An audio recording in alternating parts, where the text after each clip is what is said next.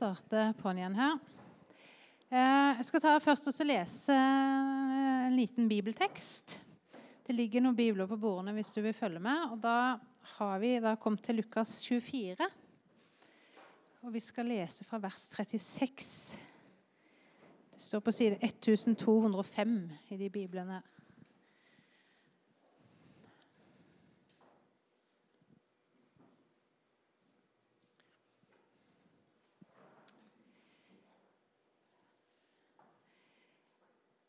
Mens de snakket om dette, sto Jesus selv midt iblant dem og sa, 'Fred være med dere.' De ble forferdet og redde. For de trodde de så en ånd. Men han sa til dem, 'Hvorfor er dere grepet av angst?' 'Og hvorfor våkner tvilen i hjertene deres?' 'Se på hendene og føttene mine. Det er jeg. Ta på meg og se.' En ånd har ikke kjøtt og bein, som dere ser at jeg har. Dermed viste han dem hendene og føttene sine. Da de i sin glede ennå ikke kunne tro, men bare undret seg, spurte han dem, Har dere noe å spise her? De ga ham et stykke stekt fisk, og han tok det og spiste mens de så på. I dag er det Torben Martin Josvik som skal undervise. Eh, han jobber i Misjonskirken Norge, som også Bjølsen er en del av, som nasjonal leder. Men det som kanskje ikke så mange her vet, det var at eh, Bjølsen ble jo replanta i år 2001. Og da var det Torben som starta den replantinga, så han var pastor her i ti år. Så for noen er han godt kjent, og for noen er han kanskje et ukjent ansikt. Men veldig hyggelig å ha deg her i dag, Torben.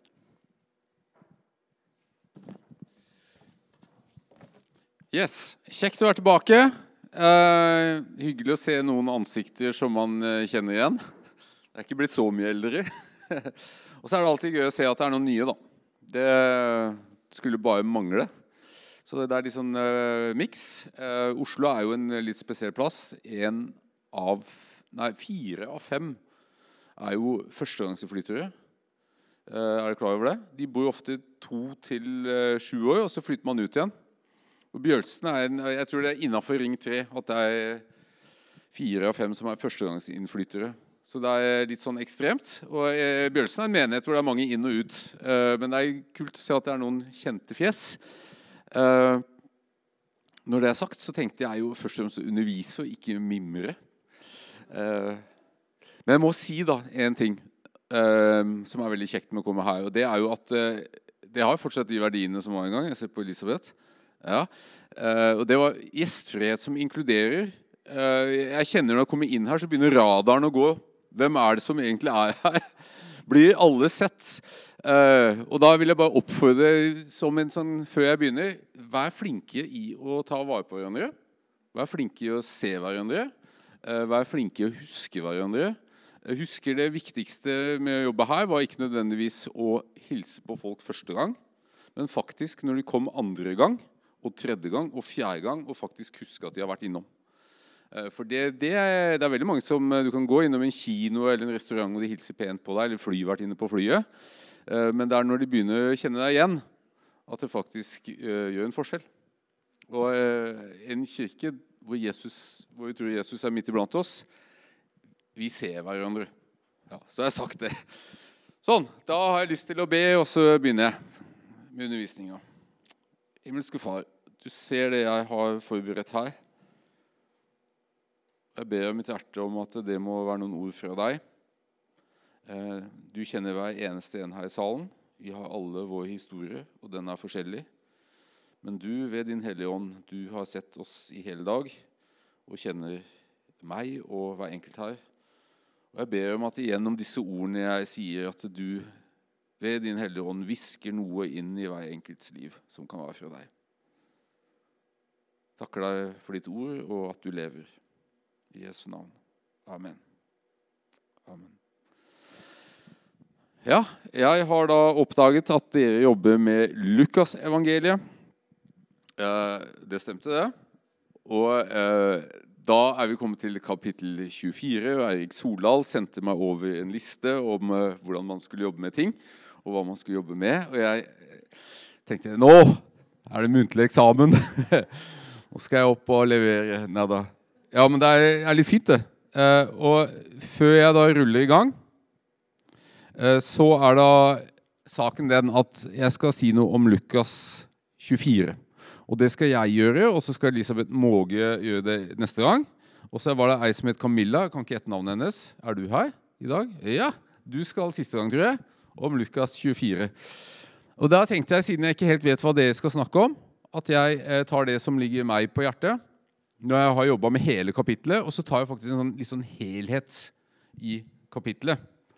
Uh, det første som slår meg, som jeg bare har lyst til å begynne med, det er jo at uh,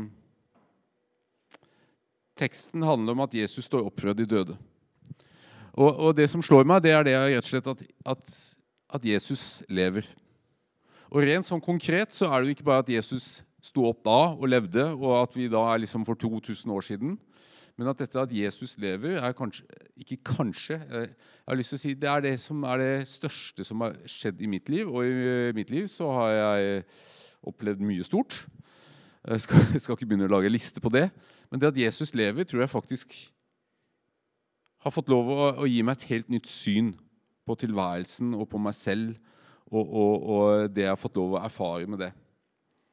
Og så husker jeg fra videregående at jeg eh, lurte liksom på For jeg liksom bestemte meg for å, å følge Jesus. Hva, hva, skal jeg liksom løfte fram? Og jeg husker jeg skrev, ikke sånn kjempestort, men på pennalet mitt 'Jesus lever'.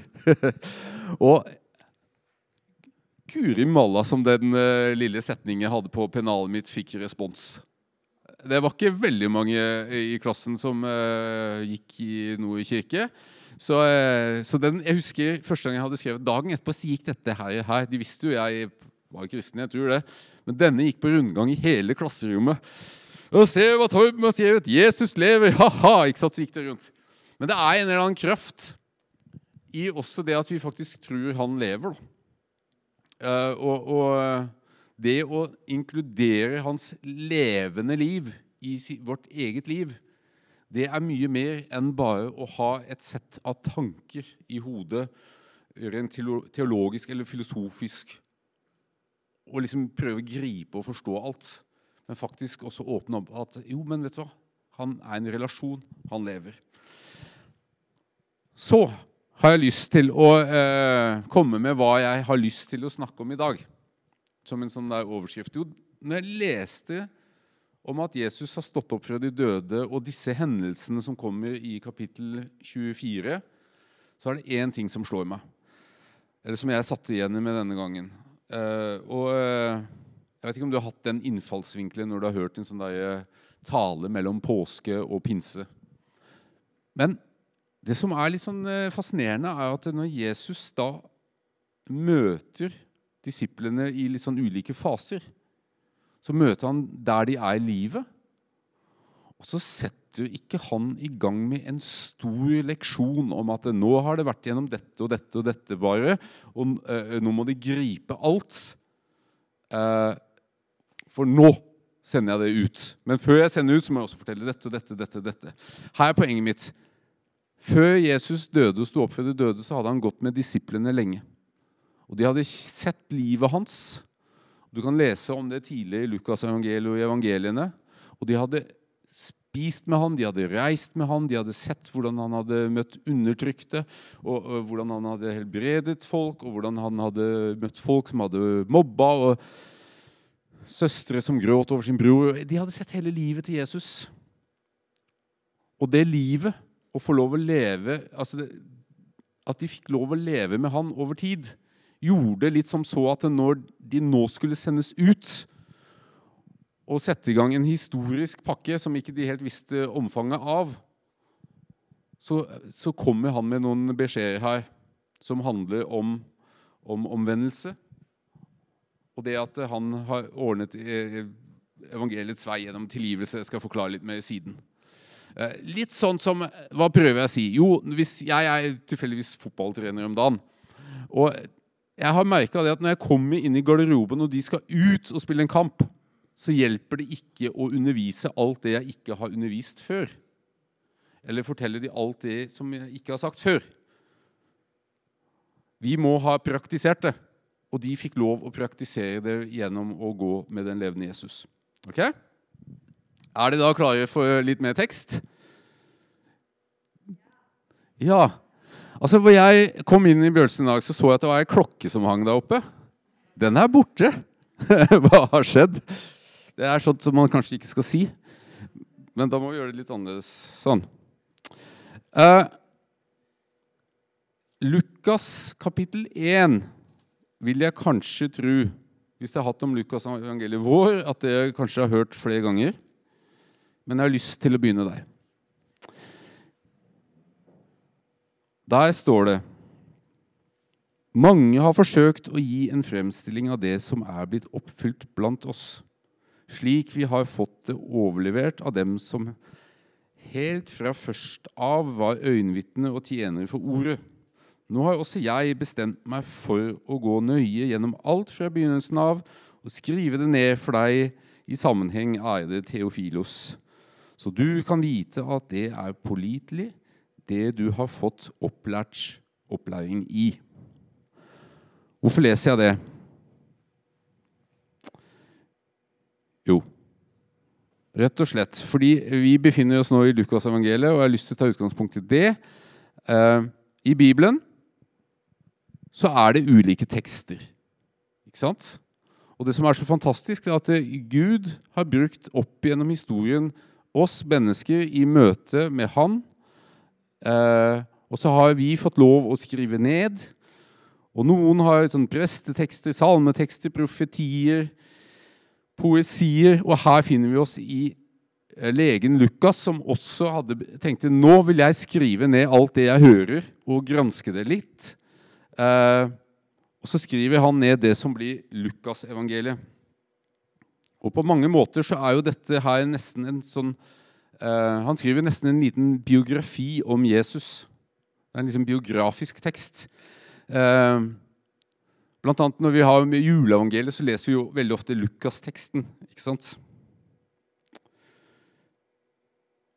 Så syns jeg det er utrolig flott at det i, uh, i Bibelen så har du altså tekster som går tilbake til Abraham og Uri Kaldea, på en måte med 1600 år før Kristus. De, jeg skal ikke gå gjennom når de ble skrevet ned, og alt det her, og til liksom, slutten av Paulus og Johannes sitt liv. Det er et langt spekter.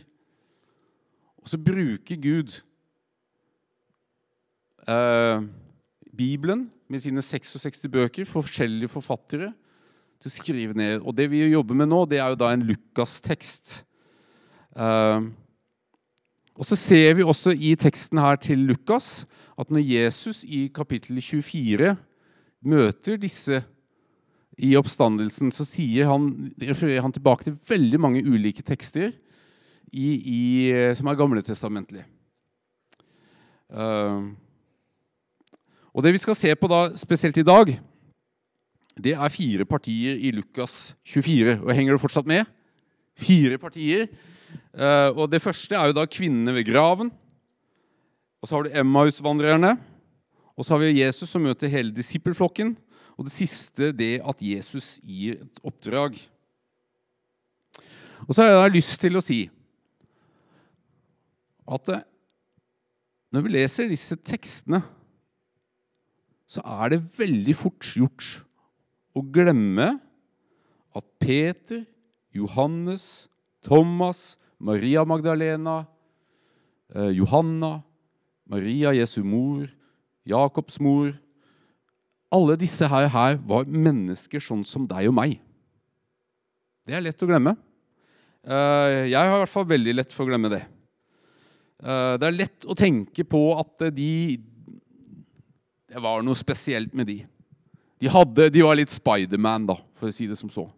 De hadde et eller annet overnaturlig over seg. Så var det en eller annen sånn Fortnite-figur som eh, de, de, vektes til liv igjen. Eller you name it, også. I det minste Alle bilder er mangelfulle. ok? Jeg, jeg merker jeg er ute på eh, dårlig Men si Tarzan, da, tenkte jeg. Han har ikke så mye rart over seg, men han har i hvert fall en ekstra kraft. Ikke sant? En eller annen ekstra styrke.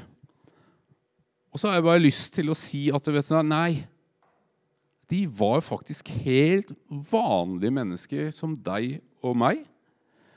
Eh, og ikke minst, de visste ikke helt hvordan dette her skulle gå. Ikke sant? De var mennesker med glede, lyster, appetitter. Ja, og de var mennesker med sorger, smerter, tvil. De hadde sikkert også vondt i hodet en dag, sånn som eh, vi av og til har, og syns det er kjipt å stå opp, og andre dager var lettere til å stå opp. Ok? Så de var litt sånn som deg og meg. Uh, og så er det litt sånn når vi leser dette, så befinner de seg mellom påske og pinse, og de vet jo ikke hvordan dette her går. Uh, vi vet, når vi leser den teksten og vi skal se litt videre, vi vet jo at tekstene sier at de fikk Den hellige ånds kraft på pinsedag. Vi vet at de, i det de opplever der, faktisk var med og var starten på liksom den verdensvide kirke. Vi vet også at det litt seinere så blir det forfulgt av Saulus, men Saulus blir Paulus, som er med og blir en ny, stor leder som hjelper de videre. Vi vet at disse skulle reise og spre Jesu evangelie i hele den kjente verden. Og vi vet at de fleste av disse her døde av at de ga sin tro. Og så vet vi i dag, når vi leser tekstene, at veldig mange av de her, er de er ikke bare helter, men oppe i kirkestolen er det også blitt gjort til helgener og, og forskjellige ting. ikke sant? Og eh, ja, for oss er det jo de tolv apostler, heltene, liksom. Men der hvor de sto, der var det liksom som deg og meg, da. Og de hadde gått gjennom en rimelig tøff periode hvor de, da hadde, de fleste hadde fulgt Jesus i tre år. Og så døde han. Og så hadde de gått gjennom noen dramatiske pinsedager. Og Før vi skal se kort på dette her med kvinnene i graven, så har jeg også lyst til å si at for meg å lese Lukasevangeliet er vi, vi, sier ofte 'fortellingen om kvinnene i graven'. For meg så er det blitt mer og mer sånn bevisst, også nå når mine barn begynner å bli litt større, at det, det er ikke bare en fortelling. En fortelling à la Harry Potter. Eh, men det er faktisk en hendelse, en historisk hendelse. og Det er også det hvis, som den teksten i begynnelsen gjør krav på når jeg leste Lukas 1. At dette faktisk er en historisk hendelse. Og Så ser vi jo hvordan det har gjort noe med oss. At det ikke bare er en god historie, men at, det, at faktisk Jesus sto opp fra de døde. At man tror det. Så er det eh, ulike måter å ta tak i teksten på. Man kan ha mer sånn apologetisk, sånn trosforsvarsmessig. Men det jeg hadde lyst til i dag, det var jo rett og slett da, som jeg er i ferd med, å løfte frem de menneskene eh, som var i den situasjonen. Og det første er jo da kvinnene eh, ved graven. Og eh, i vers 4 så står det De visste ikke hva de skulle tro. Den teksten har jeg dratt ut der. Tenk litt på det.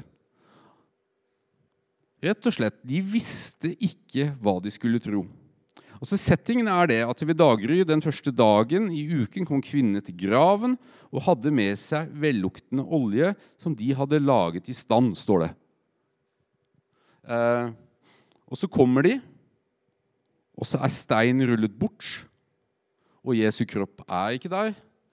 Eh, og så kommer den der livssituasjonen hvor de, de visste ikke helt hva de skulle tro. Jeg veit ikke om du noen gang opplever det i ditt liv, at du rett og slett du veit ikke hva du skal tro. Og, og, så blir du på en måte gjort eh, Ja, men med nå, da. Ikke sant? Og det, det er, Da kan du bli svett bak øret. Ja, hva skal jeg mene, da? Så kan du begynne å prøve å lage logiske resonnementer. Men her, er, jeg syns det er fascinerende å se at disse eh, troskvinnene, eller troskjempene som vi tror på, de var også i den De visste jammen meg ikke helt hva de skulle tro. Eh, det vi vet, det er at disse kvinnene de valgte den tredje dagen å gå ned til grava. Eh, og de første som gikk, det var kvinner. Uh, og det her er jo noe poenger som dere sikkert kommer til å tale om siden. At eh, kvinners vitne på den tida der var jo ikke eh, et godkjent vitne. Altså hvis, du, eh, hvis det var en rettssak og en kvinne avga et vitnesbyrd om at han hadde drept henne, så var ikke det et godkjent vitne. Eh, så, men men eh, når Lukas gikk gjennom tekstene, så var det sånn det var. Det var kvinnene som kom først ned. Eh, de er en del av, av historien. Eh, og, og, Bibelen løfter dette frimodig fram. Og så vet vi at det, at det selv om de var i en fase hvor de tenkte at nei, jeg sikkert fortvila alt det der, så gikk de ned. Og når alt det der skjedde, steinen var borte, og de jammen ikke visste hva de skulle tro, uh, så har jeg lyst til å løfte frem én ting. Og det er at eh, det viktigste Det er ikke alltid hva du gjør, men det er veldig lurt å gjøre noe noen ganger. nei, det er lov å si det, er det ikke det? Altså, som kirke så er det faktisk lov å eh, Det er ikke alltid man vet hva man skal gjøre, men det er lurt å gjøre noe. For Hvis ikke så er det litt sånn kroken på døra. Og den, Når man da gjør et eller annet, så tror jeg det er viktig å legge sitt liv i Guds hender og tenke at Gud, du er med meg. Men jeg kan jo ikke bare sitte passivt her. Uh, yes.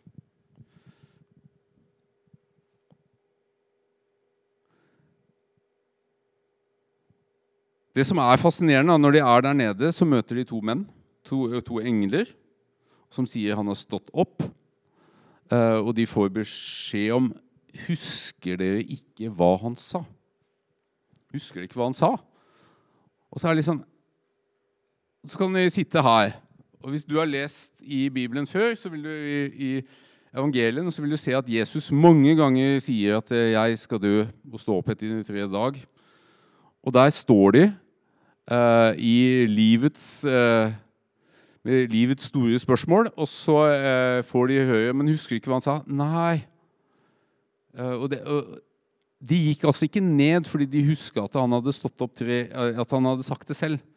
Og jeg har bare lyst til, før jeg går over til neste tekst, å si at det, eh, mange ganger i livet så får vi høre masse gode gullkorn.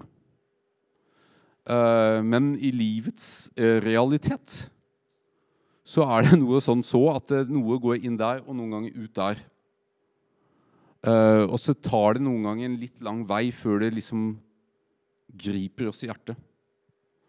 Uh, og jeg jeg tror dette også handler om at vi mennesker er, har våre feil og mangler. Og vi, vi, trenger tilgivelse. Men jeg tror også det, der, det, er, noe av den veien vi må gå for å lære. Så når, eh, når Jesus sa at eh, 'jeg kommer til å stå opp tredje dag', så var det ikke sånn bare for at de konkret, når han gjorde det, at de da skulle være klar over det. Men at det seinere i livet, når du kanskje også så på hendelsen med oppstandelsen, og sånn, så var det bare sånn Ja, men han har jo faktisk vært med hele veien, liksom. Uh, han er den som bærer. Ok. Og da er vi ferdig med kvinnen ved graven. Så går vi til Emma-husvandrerne. Og der vil jeg at dere skal uh, se på vers 16.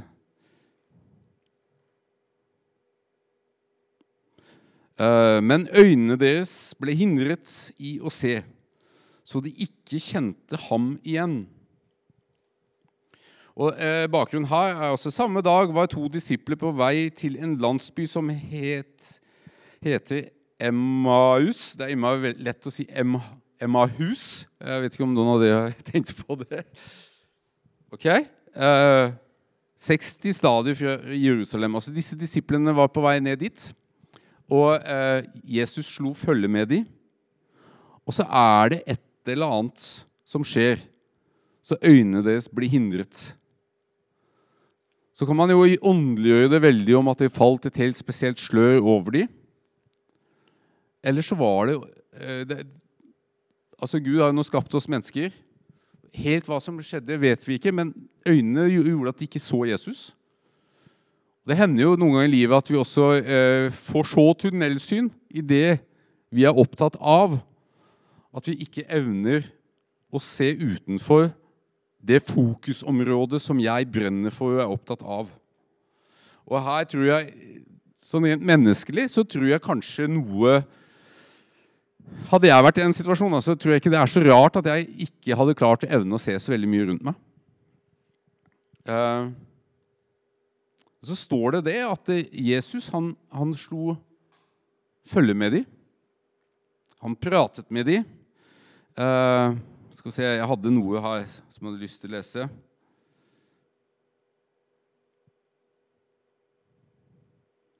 Ja. Hva er det dere går og snakker så ivrig om, sier Jesus. Og Hvis du da begynner å fortsette å lese den teksten, så vil du si at Jesus begynner å stille veldig mange gode spørsmål. Uh, nesten som en, skal ikke si en psykolog. Men han, han, han, han speiler de, han lytter til de. Hva er det du er så opptatt av? Og så klarer han i den dialogen å trekke fram og det er eh, elementer fra eh, profetene, fra Mosebøkene og alt det liksom som pekte på at dette her med Jesu død og oppstandelse skulle skje. Og det er jo noe som på en måte treffer deres kognitive hjerne, om du vil. Eh, og de hører det og hører det og hører det, ikke sant? Eh, men det jeg syns er litt fascinerende i den teksten, det er at når Jesus tar brødet, bryter det, og når han tar vinen og eh, sitter der med de og skal begynne å spise, så begynner de å Plutselig så er det et eller annet som gjør at de ser ham. Og da, Her er poenget mitt. Det er noe med at du kan ha veldig, du kan fylle ditt hode med masse, masse tanker. Prøve å få et klarsyn. Men jeg tror også det er noen ganger det der, der som handler om å, la seg berøre av en erfaring. Altså I mitt liv, når jeg ser tilbake, så er det når Jesus har hviska ting inn i ulike livets faser, som har satt et spor, som gir veldig mye også av det andre jeg har lært, mening. Eh, men det handler om at eh, en, eh, det grunnes i en overgivelse. Da, om at ja, men jeg ønsker å gå med Han. Og de har jo fått lov å se Jesu liv og erfare det lenge. Og så plutselig så ser de da, ikke sant Når de nå sitter og spiser, og, og han forsvinner jo. Les hele teksten når du kommer hjem, Lukas 24. Så tenker de ja, men når han snakka, brant ikke det inni hjertet vårt, da? Ikke sant? Men så er det noen ganger når vi også får lov å erfare det praktiske og gjenkjenne, så er det ah, ja. Yes. Og da er jeg over i eh, Når Jesus møter hele disippelflokken. Og den har jeg lyst til å lese fra begynnelsen. Mens de da snakket om dette, sto Jesus selv midt iblant dem og sa, 'Fred være med dere'. Fred være med dere. Den teksten her syns jeg er helt herlig, for der eh, fortepp, ikke forteppe, hva man sier. Bakgrunnsteppe. ja. Er jo det at eh, disse Emmaus-vandrerne de har jo beinflydd hjem ikke sant? og møtt Peter og eh, Maria Magdalena, Johanna og Jakobs mor. Alle, de, de, er sammen. Og så snakker vi Vi har sett den, vi har ikke sett den, vi har erfart den. Og så har du hele dialogen gående. Og vops, så står Jesus midt iblant dem. Og jeg, jeg, Hvis jeg virkelig kjenner etter og setter meg litt sånn i den situasjonen der selv, så tror jeg det hadde vært litt wow hvis den plutselig hadde vært der. da. Uh, og så er det liksom Jeg er ikke en ånd, liksom. Jeg er ikke en ånd. Og uh, Før jeg tar litt videre det med at jeg er ikke en ånd, så har jeg lyst til å si at det, det Jesus kommer med, og det du ser egentlig fra helt Mose, første Mosebok til slutten, det er at når Gud møter oss, så møter han oss med fred. Ok? Gud er ikke skummel. Han ønsker oss det beste. Gud er kjærlighet. Han, han lengter etter å være sammen med oss. Derfor inkarneres han, som det heter så fint, og blir menneske i Jesus. Og det som skjer her, det er at Jesus er heller ikke veldig opptatt av å være superåndelig. Men han er i møte med dem i møte med de menneskene de er, så sier han ånd, ånd er ikke av kjøtt og blod og mus... Altså, jeg er kjøtt og blod, liksom. Jeg er opptatt av å bli menneske og være sammen med dere. Jeg er en oppstanden. Uh, og menneske møter menneske. Og så Ja. Så der, der, har jeg lyst til å si at eh,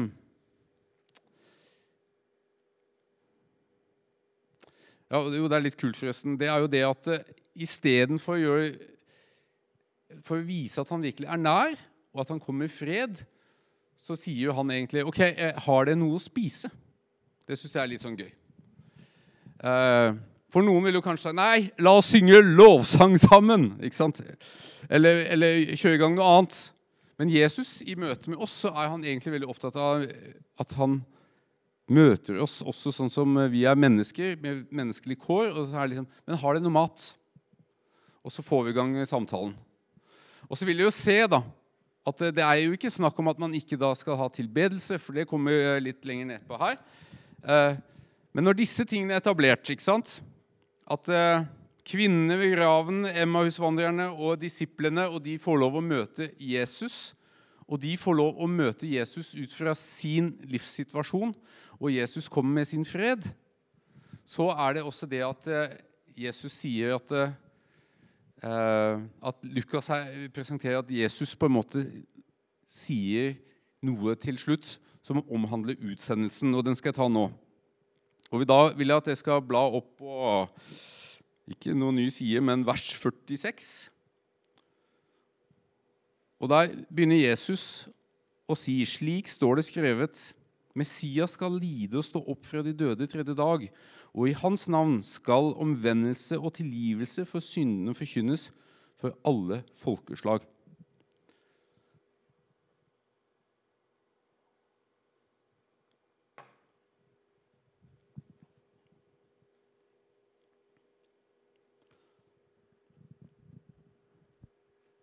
Lukas kalles jo for Lukas evangeliet, ikke sant? Og Det er fordi Lukas skriver om Jesu evangelie. Evangeliet betyr godt budskap. Og det gode budskapet er jo at eh, Gud ble menneske og kom til jorden med sin frelse. Det høres flott ut, og det er flott. Og Det handler om at mennesket i alle år og i alle historier har prøvd å være ren overfor Gud. Kunne komme tett innpå Han med sine liv sånn som de er. Og så kommer Jesus og sier, 'Vet du hva? Jeg gir mitt liv, og fra nå av så trenger det ikke å være rene når det kommer til meg.' Jeg tar det imot akkurat sånn som det er, med deres flekker. Eh, så der ligger tilgivelsesaspekter som er i den teksten her. ikke sant? Det er tilgivelse, folkens. Og så er det også en biten som handler om omvendelse, som det står her. Så er det liksom Omvendelse handler om du står med ryggen til Gud, du snur deg mot Gud. Og nå har dere sikkert lagt merke til at han drikker kaffe der, da, så jeg tenkte å ta et bilde. I min kaffekopp så er det kaffe, hvis dere lurte på det. Er, altså I min tid i Bjørsen så ble jeg mobba litt. Fordi jeg hadde ofte en kaffekopp. Jeg vet ikke om jeg Husker du det, Elisabeth? Nei, ja. Og så var det noen ganger så Jeg satte den ikke fra meg, men tingen var at han var jo tom. Men de var, jeg husker jeg noen ganger ble litt sånn engstelig. Men, det var en digresjon. Men så har jeg en kaffekopp som er på hodet. Uh, og så Hvis man snur den opp Ikke opp ned, men snur den rundt, så er det lettere å fylle den. Og eh, Bibelen eh, sier mye om det å bli fylt av Ånden og bli fylt av Gud og av Kristus. Og det, denne koppen er kanskje Alle bilder har mangler, må jeg bare si. Kanskje koppen ikke er ren. Men om du velger å snu deg mot Gud og si 'Jesus, kom meg nær', så fyller han deg. Så fyller han deg. Jeg begynte med å si noe om at uh, vi befinner oss nå mellom påske og pinse. Og at, uh, at når vi skal ut, så vil vi veldig gjerne uh, ofte Eller jeg sa noe om at det er ofte at på slutten Nå får du all informasjon på slutten før du går ut. Ikke sant? Og noen kjenner noen ganger at eh, jeg får aldri nok informasjon. Jeg må alltid lese én bok til. Eh, jeg burde kunne mer. Jeg bør dra på et seminar, et kurs. Kanskje reise over dammen og hente noe inspirasjon et eller annet sted. Og så skal jeg i gang. Og hør på meg. Jeg, ikke misforstå meg. Jeg har veldig trua på kompetanse, kurs, kunnskap. At man graver, leser, lærer seg ting. Men ikke lag det til en sak hvor du tenker at jeg må bare vite litt mer om Gud før jeg kommer i gang. Litt, jeg må vente litt lenger før jeg faktisk gir meg hen og snur meg og bare Litt sånn der Gi meg hen til han. I påska så oppdaga jeg noe spesielt med min egen sønn. Eh, det var, han har begynt i første år på ungdomsskolen, og så kom han hjem og så sa han, 'Pappa, to uker etter Jeg hadde begynt å få litt sånn guttestemme for dere som vet hvem han er. Eh, jeg skal eh, skrive en oppgave på skolen om Narnia. Har du hørt om Narnia? Eh, ja, sa jeg. Ja, det er en som heter CS Lewis. Har du hørt om han?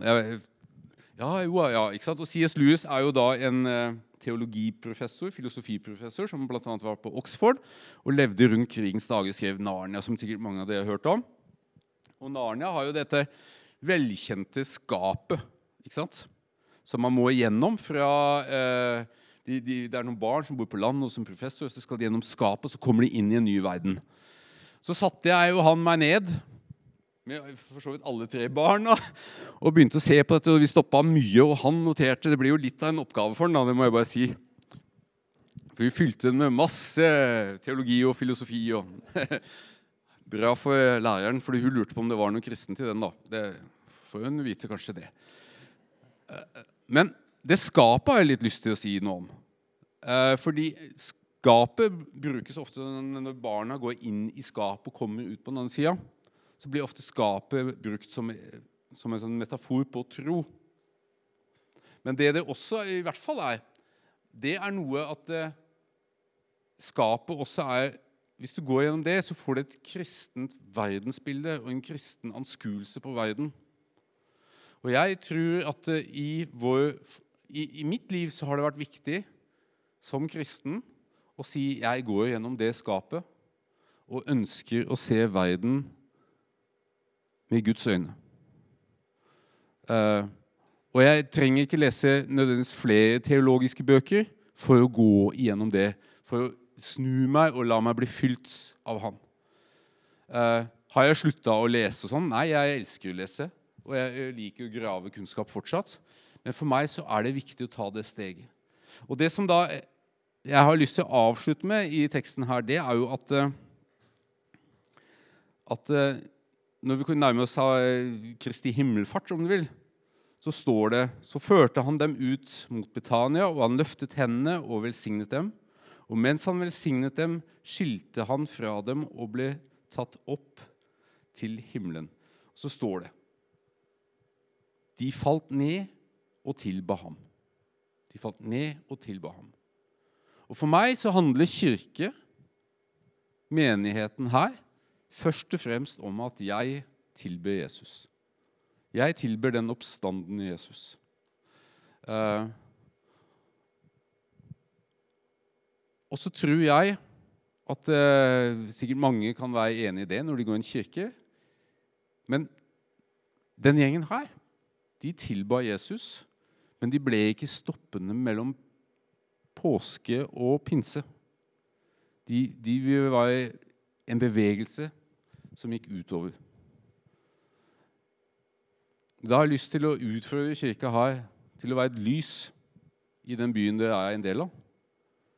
Eh, dere trenger ikke lære masse mer for å være et lys for byen. De trenger ikke lære masse mer for å kunne si ja eller nei til ja, Jesus, du har gitt meg en ny identitet i deg. Jeg får lov å tilhøre din kirke, og jeg, ønsker, jeg er også gjennom det et lys for byen. Eh, men det man må gjøre da, det er at i den sendelsen, om du vil, Det at man eh, må tenke ok, jeg trenger tilgivelse, for jeg er ikke noe perfekt menneske.